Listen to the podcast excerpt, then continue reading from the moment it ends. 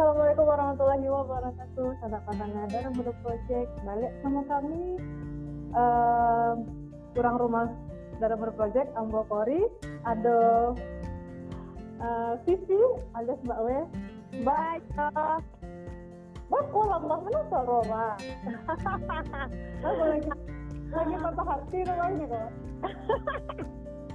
Enggak, karena kurang fit saya. oh gitu nah alur ada yang menyemangati Alur tolong semangatnya.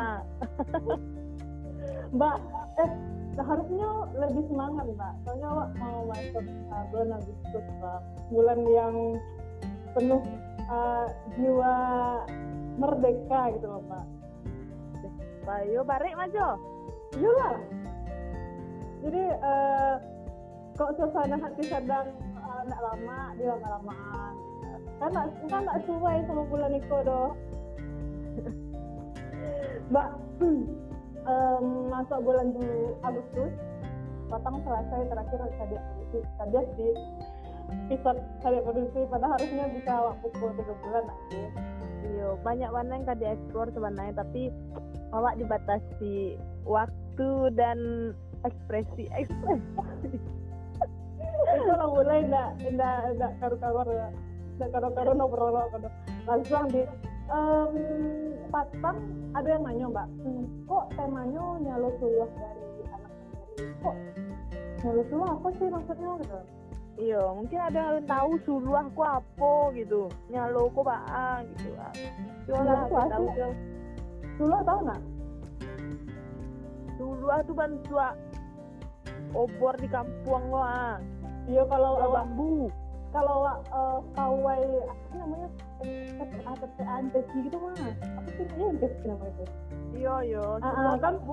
Ah, ah, ma- malam-malam tuh kan bawa iya bawa obor gitu kan jadi uh, nyalo suluah dari anak-anak itu maksudnya um, bulan Agustus itu memang bulan kemerdekaan tapi kebanyakan dari awak tuh apa ya uh, sering mengulas tentang cerita masa lalu kalau seandainya dulu uh, Bung Hatta kayak gitu, Bung Karno kayak gitu, ya kan. tapi di dalam The Project mungkin awak tidak akan bernostalgia sama masa lalu karena bisa awak baca di buku nanti pak di Google di Mado gitu kan tapi uh, di bulan Agustus kok awak bakal kedatangan tamu uh, tamu-tamu spesial yang bakal bahas isu-isu yang masih masif atau yang masih banyak terjadi di Indonesia. Nah, kenapa namanya Nyalo Suluh? Karena dari beberapa narasumber kok Allah memulai gitu, Allah memulai gerakan atau usaha untuk mengurangi persoalan dalam tanda kutip ya eh, yang terjadi tadi. Itu loh mbak. Iya. Batu bana jadi eh, episode wa sabulan ko temanya nyala su, eh, nyalo suluah dengan eh, pembicara pembicaraan namanya ya Narasumber lah narasumber narasumber yang menyaloan eh, titik-titik tarang gitu di daerah-daerah eh, di tapi Indonesia lah di daerah-daerah yang alun kadang awak alun tahu daerah tuh problemnya bantuan Ah, kayak di episode ini kok awak ada narasumber yang udah aku kece mana mencari TV yo saya hmm tanggung banyak eh, suruh jadinya Jipar lah jadi. nyolang melalang buana ke daerah-daerah 3T mungkin Tapi kayak orang Minang enggak?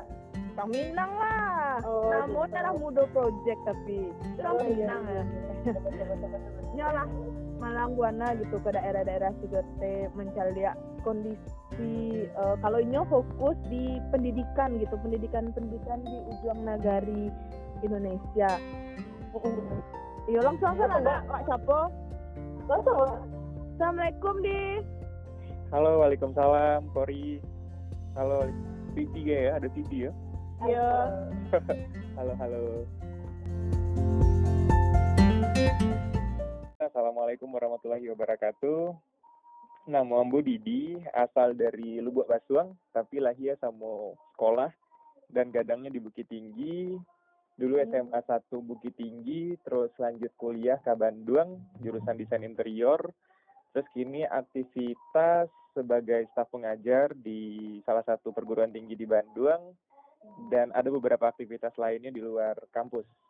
Hmm. dan sabananya kini sedang sedang beresan S2 sih tinggal tesis tapi udah beres-beres Apa proses Madi? Jadi doan ya kawan-kawan ya Amin. kuliah Amin, capek amin, amin, amin. Oh, kami lah kepo-kepo lo kan, cari Instagram di Bukan kepo mah. kepo lah gitu. Orang kepo. Sana lah kepoan. Iya, iya, betul, betul. Itu termasuk nggak sih merdeka bagi itu kayak dia bisa explore daerah-daerah yang orang tuh kayaknya kami lu pernah kasinan mau ngasih lu daerah itu lain hal tuh kayak mempelajari tentang budaya tentang pendidikannya termasuk merdeka tak eh, itu termasuk arti merdeka bagi dia gitu Kalau menurut di iyo, dan di baru merasa merdeka itu ketika di semester akhir kuliah. Karena akhirnya di yang selama itu kayak kuliah diatur gitu ya, harus memilih mata kuliah apa, terus harus bara, SKS gitu. Terus dia nggak bisa memilih kuliah yang tidak disediakan gitu. Nah ketika waktu itu di sempat eh, cabut dari kampus itu di merasa merdeka gitu karena di bisa menentukan sendiri di pengen baraja apa, di pengen baraja kasia, sama di baraja dima gitu. Jadi menurut Cabut di, ya salah satunya sih. ya ya cabut sih meninggalkan kampus selama satu semester. Cerita lah itu kan di cerita lah menyinggung tadi itu sempat cabut eh, satu semester. Melakukan perjalanan kamase di itu apa ya sih yang dicari sama Noel gitu? Eh keliling kamp kali di luar kampus tuh gitu. Eh sebenarnya kalau ditanya apa yang dicari sebenarnya banyak sih yang dicari karena akhirnya dia merasa bahwa setelah eh, lulus nanti kayaknya dia nggak nggak bisa hidup dengan bekal dun apa ya ilmu yang dipelajari di kampus saya gitu. Yang at least itu ilmu-ilmu interior gitu. Mungkin tidak akan sepenuhnya akan digunakan di di masyarakat ketika dia udah keluar dari kampus. Dan akhirnya gara-gara itu dan ada beberapa hal yang lainnya akhirnya ya ya merasa dia perlu keluar dari kampus gitu untuk mencari sendiri. Karena apa ya saat itu momen itu itu kan semester 8 yang harusnya ditinggal tinggal tugas akhir saya kuliah lah beres Iya. adunya cuman cuman kayak masih banyak gitu loh keresahan-keresahan yang yang masih tapi tapi tapi di mana gitu. Terus kayaknya dia harus menyelesaikannya deh daripada nanti menyesal seumur hidup. Hmm. karena karena apa ya nggak tahu sih di, di saat itu dia merasa bahwa status mahasiswa itu sangat-sangat mahal gitu. Dan dia nggak pengen ma- dengan membawa semua keresahan di setelah lulus kuliah makanya kayak ya udahlah cabut lah. Oh, kami kami kalau mencari dari luar ya dia Mhm. ITB, ITB itu kan ya sama lah narasi-narasi yang dimunculkan di permukaan ya kan. hampir sama lah tipikal-tipikalnya. Nah ketika ada yang untuk didi keluar itu pajak kuliah ke mana kuliah waras eko kan. Waras eko kan. Terus eh, untuk membulatkan tekad untuk break enam bulan itu kan nggak mudah ya Tio sampai Iya. kalau di pikiran eh, Didi dari Sabang sampai Merauke dan lain sebagainya itu kan itu kan butuh butuh persiapan yang cukup matang. Apa apa di jalan Didi di Didi baru eh agak tahu kalau saya eh, habis itu ke sekolah, habis itu ke sekolah atau dari awal. Aku nih ke sekolah, ke sekolah, ke sekolah gitu. Hmm, eh, si perjalanan itu disebut dengan semester alam, ekspedisi semester alam. Jadi menjadikan alam sebagai kelas, masyarakat sebagai dosen, dan Indonesia sebagai kampusnya. Jadi kalau tentang persiapan, sabananya dia menyiapkan dari awal sih, Kori. Jadi si perjalanan itu dilakukan tahun 2006 balik, bulan Januari, dan itu di persiapannya sekitar bulan Agustus akhir. Jadi sekitar lima bulanan sih untuk persiapannya dan dan walaupun memang akhirnya banyak banyak perencanaan dia yang meleset sih dan akhirnya banyak improvisasi gitu sih di di lapangannya. Cuman secara persiapan sangat sangat dipersiapkan Ya kan agak rapih gitu kan rasanya itu bentuknya rapih gitu loh. iya masih rapi sih. Tapi ada juga yang karena ya banyak banyak banyak sih banyak banget. Nah, tadi itu kan resah resahnya di Sinan. Mhm. Kiranya setelah menjalani proses ekspedisi itu, kiranya makin resah. Makin resah atau enggak resah? Eh, sebenarnya ada beberapa keresahan yang akhirnya terjawab dan akhirnya membuat membuat di apa ya lapang gitu sih ketika balik ke kampus sudah mulai udah mulai tenang gitu udah mulai kalau dulu kan masih campur aduk gitu kan karena terlalu banyak keresahan gitu. Nah cuman banyak juga sih keresahan-keresahan baru yang muncul gitu setelah dibalik dari Mancali ya gitu terus berkegiatan bareng uh, masyarakat di daerah 3T ya gitu sih jadi ada keresahan yang yang terjawab gitu atau ada clue-clue yang muncul tapi ada beberapa keresahan baru yang muncul juga. Apa yang terjawab? Apa yang terjawab? Apa yang muncul kalau ter... iya boleh boleh. Kalau terjawab sih di sangat-sangat merasa apa ya merasa lama banget sih kalau beraja langsung ke sumber ilmunya gitu. Jadi ada beberapa hal yang mungkin nggak bisa ditemukan di buku-buku di tulisan-tulisan atau di dosen-dosen gitu tapi bisa ditemukan gitu langsung di di lapangannya. Jadi kalau di semester alam itu ada sebuah quotes ya, quotes yang akhirnya disadari setelah beres semester alam itu bahwa ada banyak hal yang tidak bisa wak selesaikan dengan hanya kajian panjang di kampus. Tapi bisa dengan cepat awak pahami ketika awak berada langsung bersama mereka masyarakat. Jadi kayak eh, salamuku kan kalau di kampus ini terlalu banyak kan yang yang yang buat kajian, buat apa gitu, terus membuat karya dan karyanya tuh bahkan mendapat penghargaan internasional tapi ketika setelah itu ya cuma jadi pajangan doang gitu karena karena yang nggak nggak nggak relate gitu loh sama kebutuhan masyarakat gitu. Padahal sejatinya si teknologi atau si karya-karya inovasi itu untuk mempermudah kehidupan manusia gitu. Jadi uh, itu sih yang yang yang ditemukan bahwa bahwa belajar langsung ke lapangan itu akan membuka peluang untuk awak menemukan hal-hal lain yang tidak awak temukan di kampus ya gitu. Terus uh, tentang tentang bahwa tadinya di di berpikiran kayak kayak ya rata-rata orang kali yo bahwa keliling Indonesia tuh kayaknya hal hal yang gila lah gitu. Kayaknya bisa dilakukan kalau seandainya nggak punya banyak pitih dan punya waktu yang yang fleksibel gitu. Mm-hmm tapi kayaknya di di lah membuktikan sih bahwa bahwa untuk keliling Indonesia nggak perlu dua hal itu gitu yang penting ada keinginan lah gitu nah cuman uh, apa ya yang makin resah apa? Yang yang akhirnya ada keresahan baru itu uh-uh. kayak akhirnya dia melihat beberapa sampai yang yang apa ya yang dilihat di Mentawai itu ternyata nggak hanya di Mentawai gitu dia melihat di banyak titik di Indonesia ternyata. Bahkan ada yang lebih parah bahkan ya ya kondisinya lebih parah gitu. Di Mentawai masih untung gurunya masih enam dia menemukan ada ada satu sekolah yang gurunya tuh cuma tiga orang yang terdaftar cuman yang yang realitanya di lapangan itu cuma seorang gitu hmm. untuk satu SD. Hmm. Terus kalau uh, terjawab nggak sih kenapa bisa kayak gitu di apa pemerataannya yang tidak sesuai kah apa orang yang tidak new di sini kah apa yang uh, atau mungkin gajinya ketek atau dia uh, uh, maksudnya kok bi uh, tapi nak fakta di lapangan di kenapa pemerataan apa ya kayak pengajar di daerah pinggiran itu eh daerah pinggir daerah terpencil lah daerah mhm. tepi Indonesia aduh sorry. Tepi Indonesia tuh kurang gitu uh, guru-gurunya. Aduh nak fakta ya nampak uh, sebenarnya ada beberapa faktor sih Hori jadi salah satunya itu memang memang negara Indonesia besar banget gitu. Jadi uh, apa ya ada beberapa tempat yang aksesnya itu sangat-sangat susah sehingga memang memang untuk pembangunan infrastruktur dan SDM atau akses informasi itu sangat-sangat susah gitu. Makanya kayak si kondisinya lebih uh, lebih mungkin tidak sebaik dengan kondisi-kondisi yang waca lihat di kota gitu.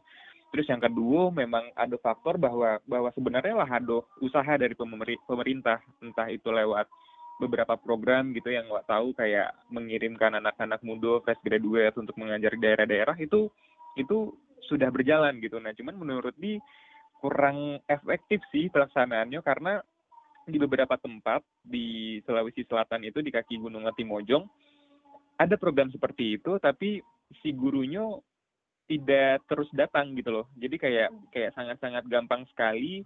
Misalnya ada hujan sakitnya terus uh, akhirnya si gurunya tidak datang. Karena di beberapa hari di sini pernah mencari ya kayak anaknya lah semangat gitu ya pagi jam tujuh lah lari-lari gitu sama kawan-kawannya ke sekolah. Terus sampai jam setengah delapan dikiranya lah mulai baraja kan. Eh kiranya jam delapan yuk balari-lari balik ke luar dan dan lah buka baju gitu bahwa gurunya nggak datang gitu.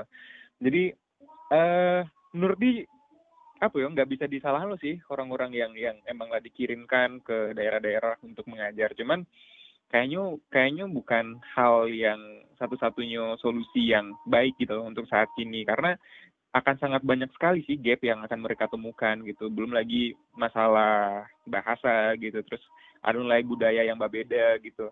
Jadi kayak misalnya yang dikirimnya orang orang Jakarta yang biasanya lah mencari uh, sesuatu dengan dengan baik gitu ya terus tiba-tiba harus dihadapkan ke daerah yang yang mungkin tidak tidak seperti kesehariannya gitu jadi pasti akan ada shock culture dan lain sebagainya dan dan itu menghambat si program itu sih sehingga programnya menurut di uh, kurang maksimal sih berarti ada Terus, faktor mm -hmm. infrastruktur mm -hmm. dan alam yo yang menghambat mm -hmm. beberapa program pendidikan iya, betul, gitu di betul, daerah betul. Dan malah malah sebenarnya di Mancale ada beberapa hal yang sangat-sangat uh, menarik sih dan cukup kalau untuk di pribadi cukup cukup menggugah gitu lah. Karena akhirnya yang bisa sustain itu adalah sekolah-sekolah yang diinisiasi oleh orang-orang lokal di sini walaupun hmm. mungkinnya tidak sesuai belum terhitung oleh oleh pemerintah sebagai sekolah yang formal gitu ya atau sekolah yang diakui pemerintah cuman dia berjalan gitu. Dan berjalannya itu smooth gitu loh jadi jadi walaupun kalau seandainya bandingkan si kurikulumnya dengan sekolah formal jauh mana gitu ya di bawah sekolah formal tapi berjalan gitu berjalan dan dan gitu sih menurut di eh, sangat sangat baik sih untuk orang-orang di sini gitu karena mereka hmm. mengajarkannya benar-benar dengan bahasa daerahnya dan benar-benar dengan dengan apa yang dibutuhkan oleh anak-anaknya gitu. Hmm.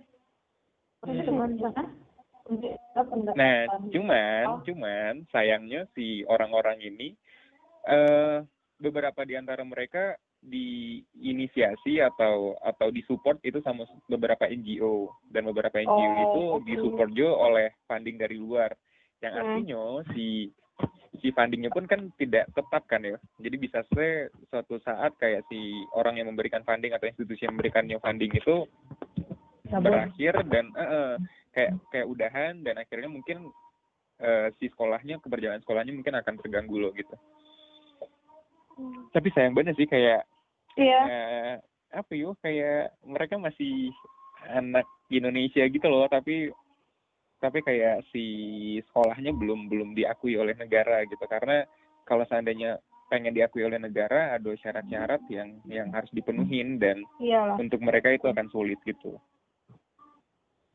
Itu aja jadi tahu yo kalau di daerah tepi Indonesia tuh ada yang wah ternyata mereka untuk sekolah sih payah turun wak bersyukur ra apa apa yeah. privilege mah privilege walaupun di di apa ya sampai ke tahap kayak ketika melihat mereka di, di bertanya gitu loh kayak sebenarnya mereka butuh pendidikan gak sih gitu.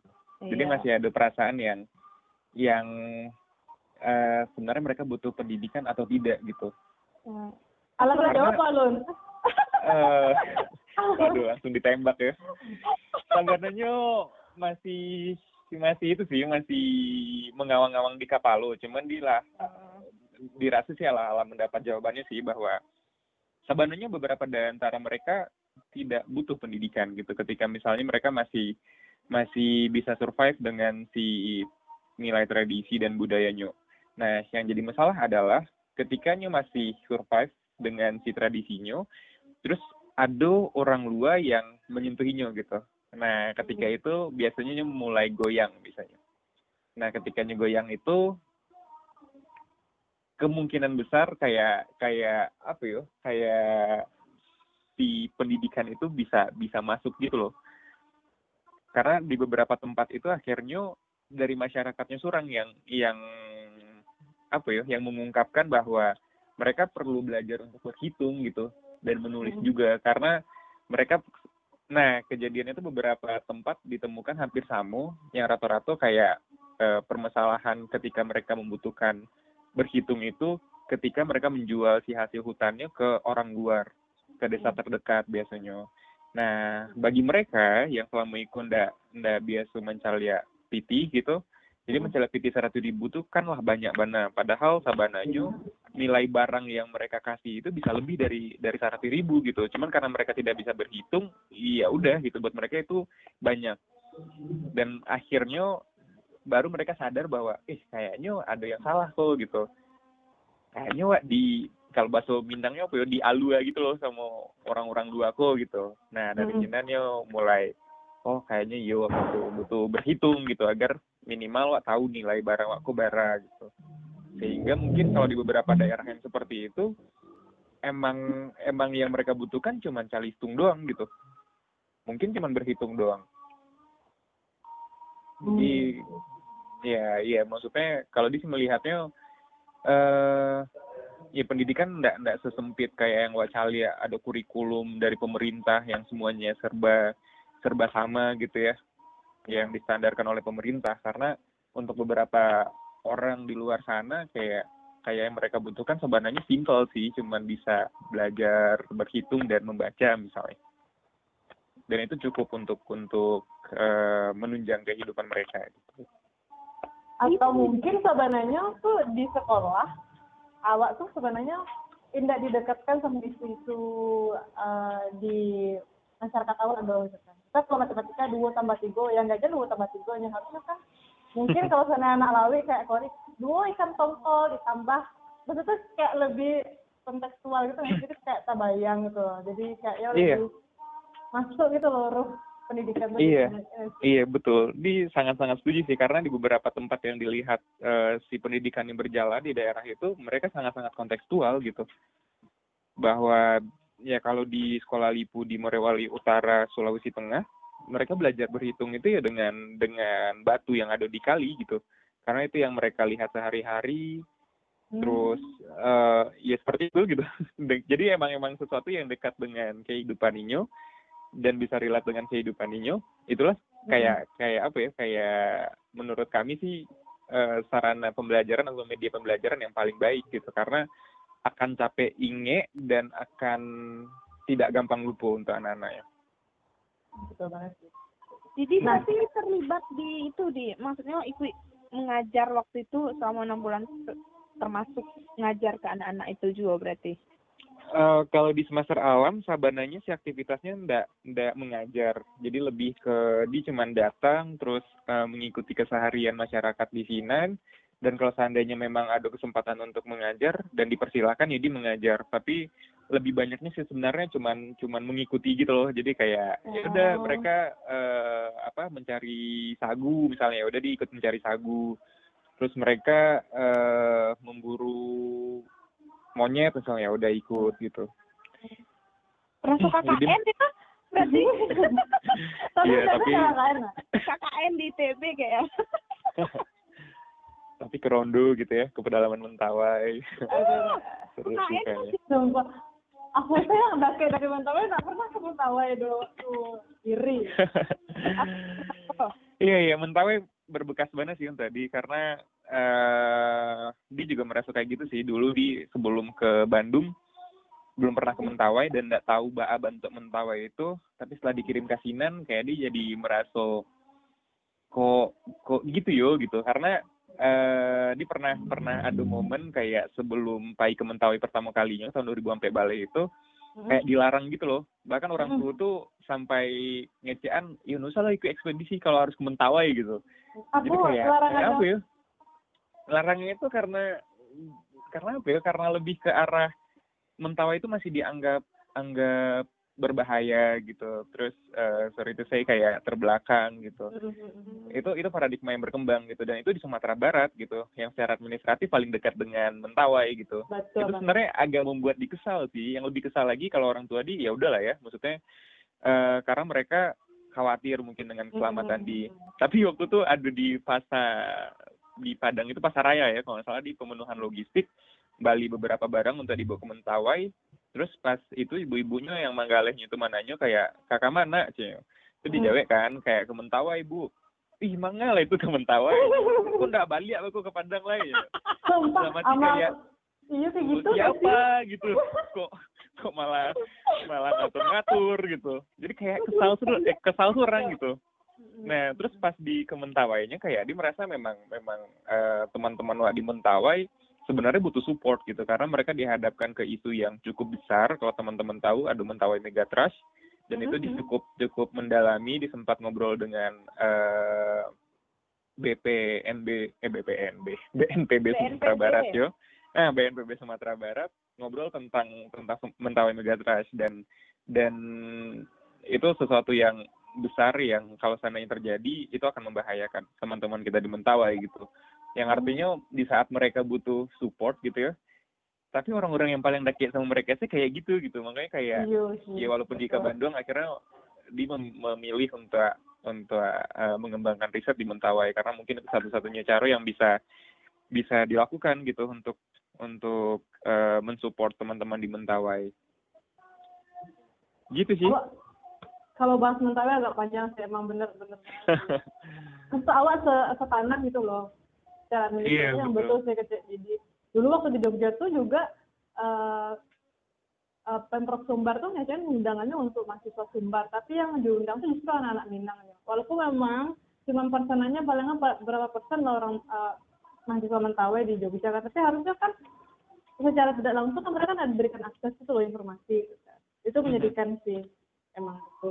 Kan tadi di eh, kan Mhm. ada ada keresahan yang apa Jawa, ada keresahan yang baru muncul. Apakah kampus alam, kalau kita kalau perancang Indonesia itu produk dari keresahan-keresahan itu? eh kalau kampus alam sendiri iyo itu kayak kayak gak tau sih di di pengen ada satu wadah gitu sih untuk eh menampung semua keresahan di sih karena ditakdir kalau seandainya tidak ada yang tidak ada wadahnya nanti bisa bisa hilang gitu dan bisa ngambang dan lain sebagainya. Nah, tapi kalau seandainya yang rancang Indonesia kita pelosok sebenarnya eh, punya cerita sendiri sih kayak kita kalau, kita pelosok itu memang akhirnya keresahan pribadi dan akhirnya diceritakan ke beberapa kawan dan ternyata kawan-kawanku support gitu untuk untuk eh apa yo kayak kayak mereka setuju gitu dengan keresahan itu dan mereka pengen bareng-bareng untuk menyelesaikannya. Kalau rancang Indonesia sendiri sabaranya idenya itu muncul dari salah seorang arsitek muda sih. Alumni ITB kini karajo di Jepang di Kengokuma. Dan inyo merasa bahwa dengan keilmuan arsitekturnya nyo lah mendapat sadunya gitu. Maksudnya secara finansial nyo lah lah oke. Tapi nyo mulai merasa kayak kayaknya ilmunya sangat-sangat sempit sih kalau seandainya cuma dipakai untuk mencari BTC gitu hingga akhirnya merasa bahwa inyo pengen pengen eh, berkontribusi lah dengan keilmuannya dan apa yang bisa lakukan gitu. Dan waktu itu akhirnya sobok samudi dan ngobrol-ngobrol terus dicari tahu tentang kondisi pendidikan di daerah 3T dan akhirnya relate gitu. Oke lah kayak kayak oh ya bareng-bareng kayak wah membantu untuk eh, membangun infrastruktur pendidikan di daerah 3T yang kita fokuskan ke daerah timur dan kini pilot projectnya di Lombok Utara di Semokan Ruak. Itu ada sekolah filial yang yang rombelnya itu ada lima tapi gurunya cuma tiga. Dan bangunan sekolahnya itu cuma ada dua bangunan. Jadi mereka masih kurang sekitar tiga bangunan.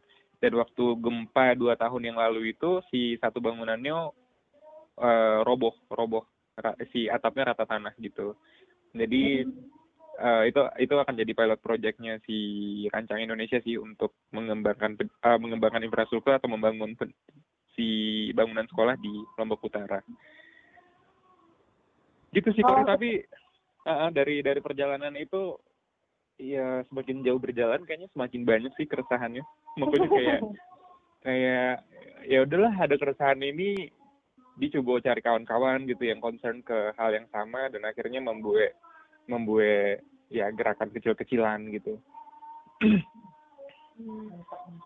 Di, Hmm.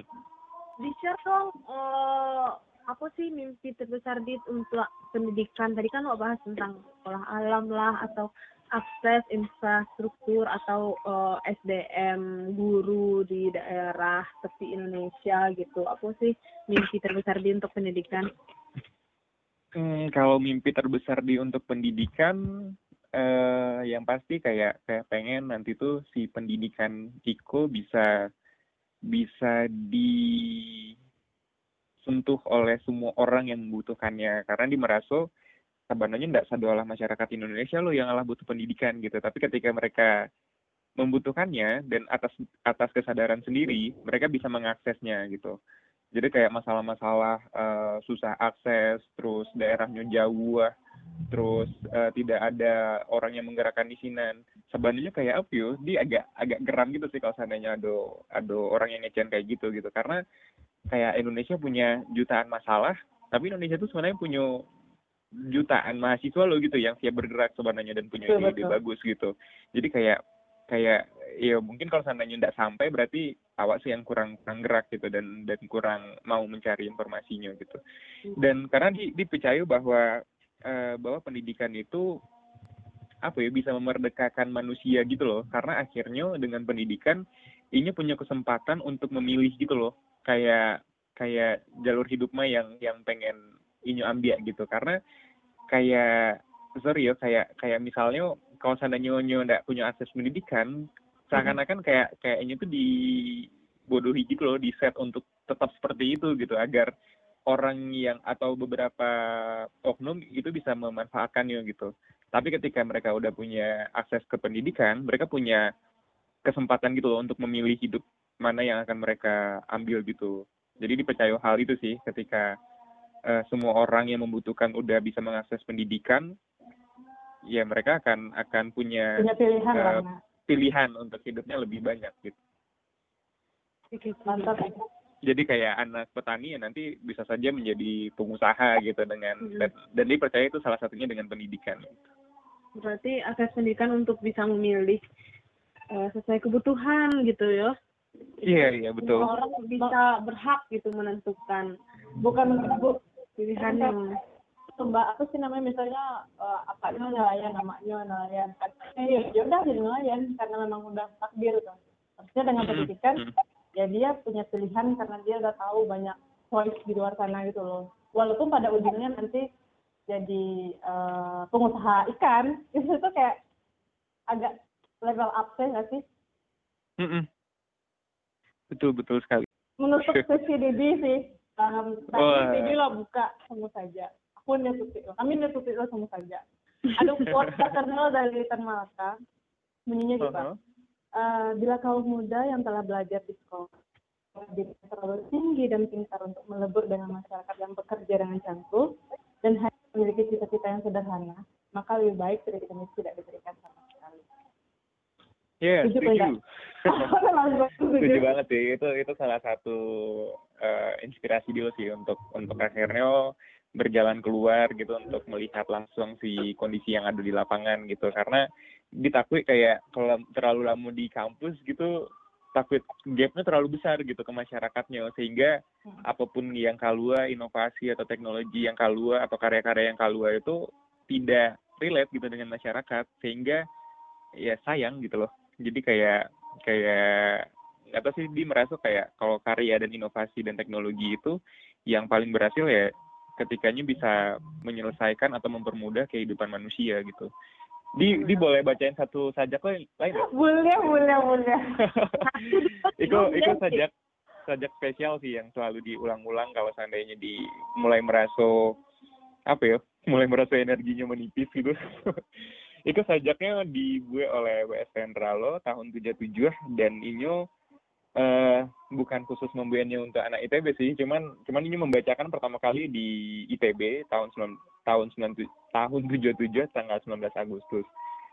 Uh, Wes Rendra mengecean dalam sajak sebatang lisong tuh bahwa kita harus berhenti membeli rumus-rumus asing.